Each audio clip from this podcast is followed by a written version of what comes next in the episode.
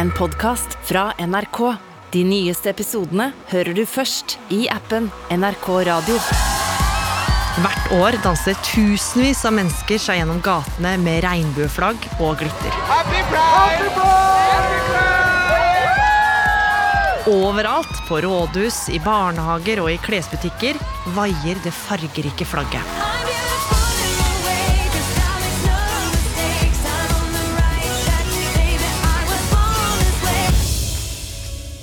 Pride har ikke alltid vært en folkefest.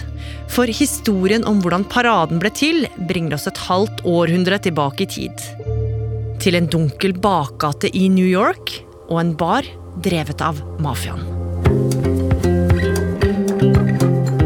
Du hører på Oppdatert. Jeg heter Gry Veiby.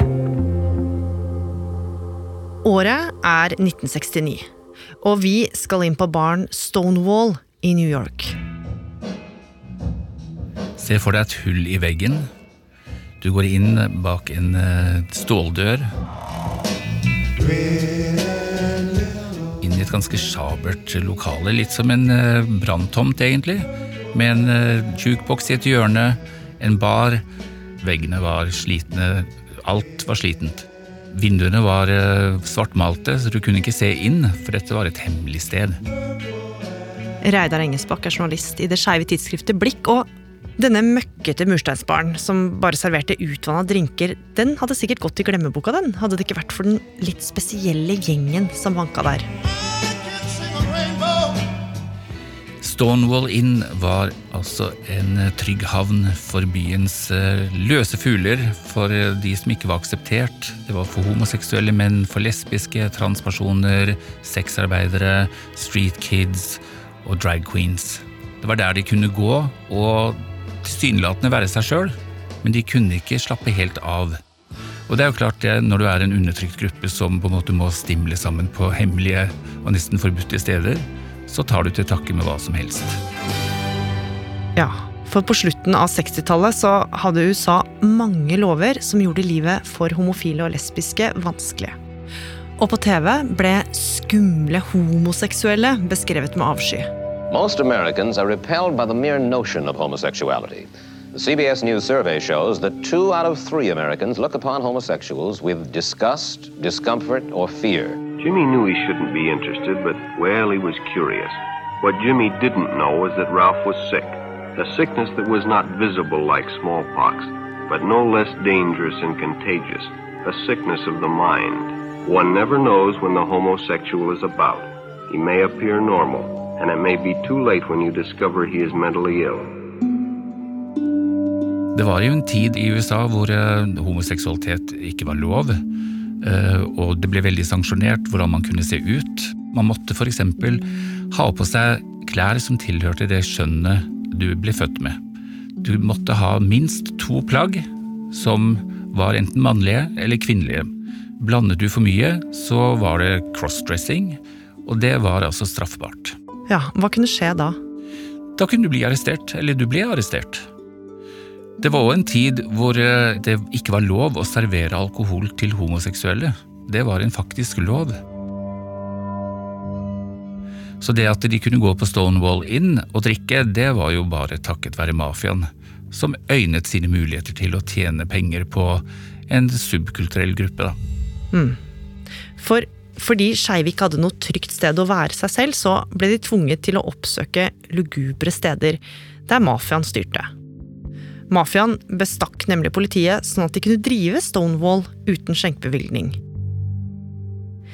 Men likevel var de ikke helt utenfor lovens lange arm, for politiet kom stadig på razziaer. Og for å varsle gjestene hadde dørvakta en helt spesiell metode. Han slo av og på lyset i den mørke baren. For det her var jo ganske brutale razziaer, Reidar. Du kan tenke deg hvis du står i en bar og drikker og snakker med en ny bekjentskap eller en god venn, og så blinker lyset. Alkoholen blir ryddet bort. Alle løper på toalettet for å skifte klær hvis de har på seg noe som de egentlig ikke skal ha på seg. Dragdronningene måtte sørge for å fjerne sminken, og døra går opp, og inn kommer politiet. Så liner de folk opp langs veggen, og så spør de er du mann eller kvinne, og hvem er det vi har her i kveld? Skjellsord, sissies, faggots Folk blir jo banket opp hvis de svarte tilbake. Men noen av dragdronningene var jo sånn at de klarte jo heller ikke å holde kjeft, så de var jo frekke i kjeften. Og da ble man altså paradert ut på rad og rekke og inn i politibilen. Pressen hadde gjerne blitt tipset på forhånd, så de var jo der med kamera og blits og fikk sørget for å dokumentere dette her. Og da var det store oppslag i avisen. Honey Trap, Busted, og så var det navn, adresse og stilling i avisen dagen etterpå. Og disse politirazziaene de skjedde jo månedlig, og gjestene på Stonewall de var vant til å bli trakassert og sendt hjem og leve utrygt. Men en fredagskveld den 27. juni 1969, bare tre dager etter at det sist hadde vært en politirazzia, så skulle det skje noe som gjorde at dragdronningene og alle de andre gjestene som ikke helt passa inn i samfunnet, fikk nok.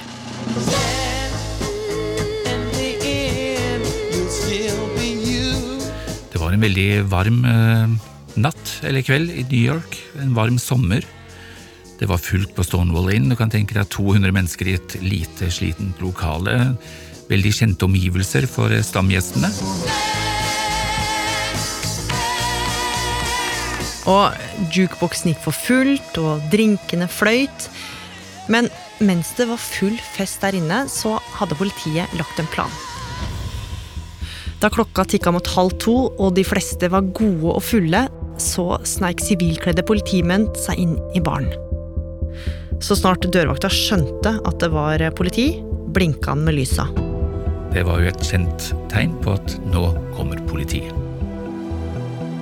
Og denne kvelden ble bargjestene ekstra oppgitte. For politiet hadde aldri avbrutt festen så seint som nå. De kommer inn, liner folk opp som vanlig. Folk må fram med ID-kortene sine. Alkoholen er forduftet. Musikken er slått av. Og folk blir paradert ut og inn i en politibil.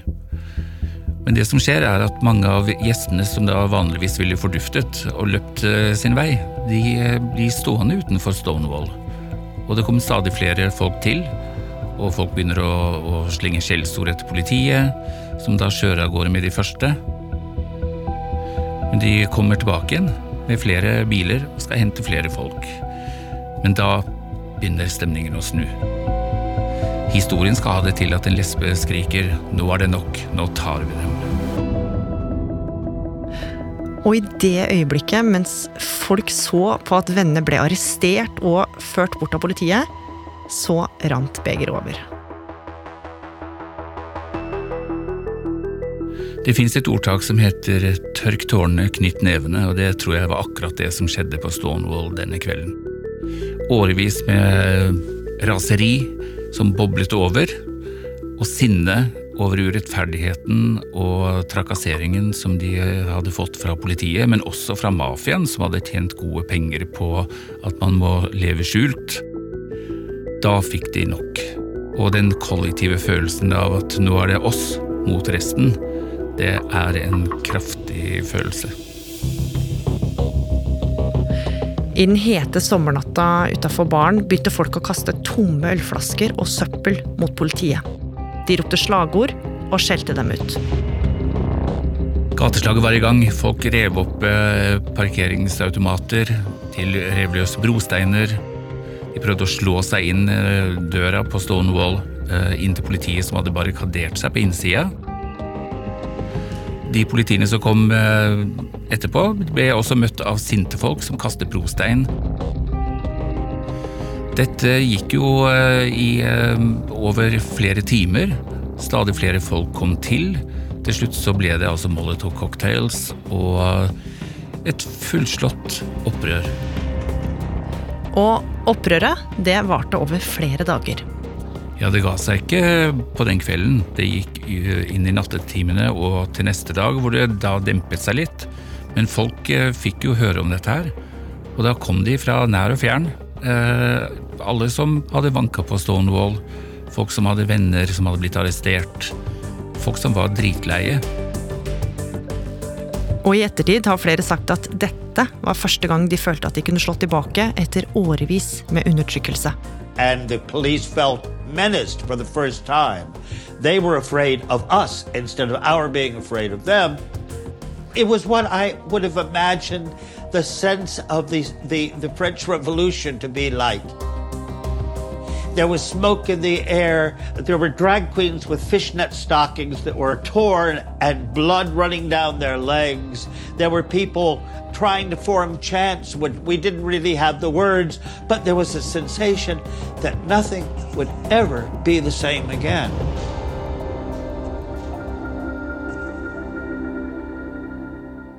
Etter tre dager med gatekamp så det ut som en krigssone i gatene rundt den slitne murbaren. Men folka som var med, de ville ikke glemme trakasseringa fra politiet. Og ett år seinere, Reidar, så samla aktivister seg for å markere opprøret. Gnisten var tent, og i kjølvannet av opptøyene så ble altså The Gay Liberation Front eh, etablert. Og man samlet seg da på ettårsdagen, 27. juni, for å ikke gå i en parade som vi er vant med i dag, men å gå i et tog for å markere det man hadde oppnådd med opptøyene, som var mer i synlighet, og gjøre sinnet om til konkret handling. Og da var det gay power, gay power som ble ropt, og bannere med slagord som ble båret i dette toget. da. we were scared. But as we were going up 6th Avenue, it kept growing. And I looked back, and there were about 2,000 people behind us, and that's when I knew it had happened. That's when it. That's when we knew we were ourselves for the first time. Med det var verdens første demonstrasjonstog for homofiles rettigheter gjennomført. Og sakte, men sikkert så utvikla det seg til en årlig marsj der skeive kjempa for politiske rettigheter. Det dukka opp gay liberation-marsjer i San Francisco, Los Angeles og Chicago. Og utover 80-tallet ble paradene større og mer organiserte. De spredte seg også til Oslo, og på 80-tallet, Reidar, så flytta jo du til hovedstaden. Hvordan var paradene da? Paradene var veldig søte, vil jeg si. Det var alt fra 25 folk til eh, 150. Paraden gikk eh, tradisjonelt på en lørdag, og det var jo ikke det yrende folkelivet som er eh, i helgene i Oslo nå til dags. Folk var jo gjerne hjemme og drev med sitt, så det var ikke så mange som så oss der vi gikk. Men eh, vi passet jo på å skrike ting som 'vi er mange flere, resten står blant dere', eller de populære 'røsk vårs i puppa' og 'røsk vårs i balla'. Så det var jo litt frekt. Hvordan ble dere mottatt? Folk sto jo og så med litt sånn undring, og noen klappet, og mens andre syntes jo det var en vederstyggelighet. Men det var aldri noe vold eller den slags. Utviklingen ble jo at det gikk jo fra homodagene, så ble det skeive dager, så var det homosirkus et år, og slagordet 'Vi er mange flere, resten står blant dere', det funka jo, for det var jo stadig flere som da joina og begynte å gå i paraden. Men eh, motstanderne kom jo krypende ut fra diverse kroker og sto med bannere 'homosex er synd' og, og den slags. 600-700 mennesker på tvers av samfunnets normer og regler. Homofile og lesber trådte stolt fram i offentligheten i Oslogatene i kveld. De gjorde det med godt humør og mange påfunn, men de hadde også meldinger til dem som styrer samfunnet. Det koster fortsatt kamp å stå fram som homofil i Norge, og mange betaler en høy pris for å være annerledes. Utover 2000-tallet ble paradene stadig større. Det kokte i farger og musikk i Oslo i ettermiddag. Det gjorde jeg aldri før nemlig har så mange sett på eller vært med på en homoparade i Norge som eh, akkurat i dag. Det må ha vært bortimot 100 000 som sto og ventet i ettermiddag på en av verdens største homseparader noensinne. I Oslo var flere tusen ute i gatene i dag for å markere Europride-paraden. Så mange hadde møtt opp at politiet mistet tellingen. For noen og 30 år siden var vi 20 på Universitetsplassen. Og jeg vet ikke hvor mange vi er her nå. Men det er iallfall mer enn 20. Men lenge var paradene kanskje mest for de som var skeive sjæl, og folk flest de sto og så på litt på avstand. Men så, i 2016, skulle det skje noe forferdelig i USA som rysta oss alle. A volley of gunshots in the night, carnage mounting inside, the injured on the ground outside. Minst 50 drept på nattklubb for homofile i Orlando. Den verste skytemassakren i USAs historie. But I don't know where my son is. No one can tell me where my son is. This was an act of terror and an act of hate. En mann gikk inn på en klubb for skeive i Orlando. Der skjøt han vilt rundt seg og drepte nesten 50 mennesker. Dagene etterpå, og ukene etterpå, så var det mye skriverier om dette her, for det var jo et angrep på oss som miljø. Det jeg kjente på i går, faktisk, var en følelse som jeg ikke har kjent på veldig veldig, veldig lenge. Hva slags følelse da? Nei, Det er en følelse av at kanskje det hadde best, vært best um, om jeg ikke var sånn som jeg er. skjønner Nå er det pride neste uke. Jeg skal dit, jeg skal kose meg. jeg skal... Men det blir, jo ikke, det blir jo ikke det samme når man vet at folk liksom hater så sterkt. Eller det er jo derfor vi gjør det. Det er jo derfor vi skal feire neste uke. Men åh Sorry, ass, men Nei. jeg blir så utrolig lei meg. Reaksjonene spredte seg også ut i befolkningen, at folk ble veldig bevisst på hva som hadde skjedd. Og etter min mening så hadde det en påvirkning på Oslo Pride. Og på folkene som da slutta seg til og gikk i paraden, eller som sto og heiet på sidelinja når paraden gikk oppover Karl Johan til uh, Spikersuppa. Hvordan merka du det? Jeg merket det med at folk var positive, men også triste. Men at det handler om mennesker. Det handler om menneskeverd og menneskerettigheter, ikke om skeive rettigheter, ikke om særrettigheter. Det handler om å få lov til å leve livet sitt som den du er, uansett om du er homse, lesbe, trans, bi, i det hele tatt. Du har en rett til å leve, og du har rett til å ha de samme rettighetene som alle andre. Og skal det komme noe positivt ut av uh, tragedien på Pulse i Orlando, så må det vel være akkurat den bevisstheten der, at den satte seg i majoritetsbefolkningen. Året etter var slagordet i paraden 'Gå for de som ikke kan'. Og med terroraksjonen friskt i minne så så man jo nå hvordan majoritetsbefolkninga begynte å støtte mer opp. Og det fikk jo samlet en masse kjendiser, influensere, politikere som stilte opp. Og da var det ny rekord. Det var 30 000 i paraden, det var 70 000 i Pride Park i løpet av den uka som Oslo Pride var. Politikere flokket til paraden og gikk eh, for sine respektive partier. Eh, bedrifter slutta seg til. eh, Alle organisasjonene. Det ble den folkefesten man ville ha. Hvert år så har det vært nye rekorder og nye rekorder. Men 2018 så så man jo det at det spredte seg utover i landet også, for da ble eh, verdens eh, og tidenes første bygdepride i Ørsta og Volda arrangert, som igjen eh, laget en gnist som gjorde at nå så feires jo pride i hver krik og krok i hele landet. Og pride i dag er jo på en måte arven fra Stonewall. Hva tror du de som var der den gang, som ble hetsa av politiet, ville sagt om de så det som skjer i dag? Jeg tror de ville sett på det med, med litt sånn skrekkblandet fryd. Eh, Jeg tror de ville sett på at dette var jeg med å starte, og at de er glad for at vi fortsatt holder eh, bannerne høyt og fortsatt slåss. Men så tror jeg nok mange av dem ville satt eh, fingeren inn i brystet vårt og sagt at men ikke glem at pride også er antirasisme. Pride er også kamp mot sexisme.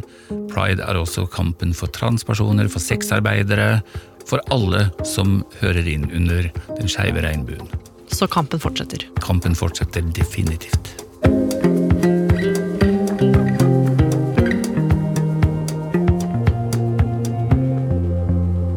I år er det 50 år siden homofili slutta å være forbudt i Norge. Oppdatert har laga en episode hvor du kan høre om den innbitte kampen for å få fjerna den såkalte homoloven. Søk opp den utrolige historien om Kim Friele i radioappen. Oppdatert er en podkast fra NRK Nyheter, og denne episoden var laga av Martin Holvik. Pål Gauslå Sivertsen. Id Skriverhaug. Og meg, Gry Veiby. Programredaktør er meg, Knut Magnus Berge. Klippene du har hørt, er fra CBS, PBS, ABC og NRK. Har du tips eller innspill, send oss gjerne en e-post på oppdatert krøllalfa nrk.no. Og tips gjerne en venn eller to om oss dersom du liker det du hører. Ny podkast fra NRK P3. Jeg heter Silje Nordnes og har hatt kjærlighetssorg. Masse. Ja, du vil snakke om kjærlighetssorg og hva som skjer når vi har det. Ekstremt intens eh, opplevelse. Noe av det mest intense følelsesmessige man kan oppleve som menneske. Jeg skal helt ærlig si at det var fysisk vondt i hjertet. Hvorfor er det så jævlig kjipt? Og kan jeg, og vi alle, få trua på kjærligheten igjen? Kjærlighetssorg hører du først i appen NRK Radio.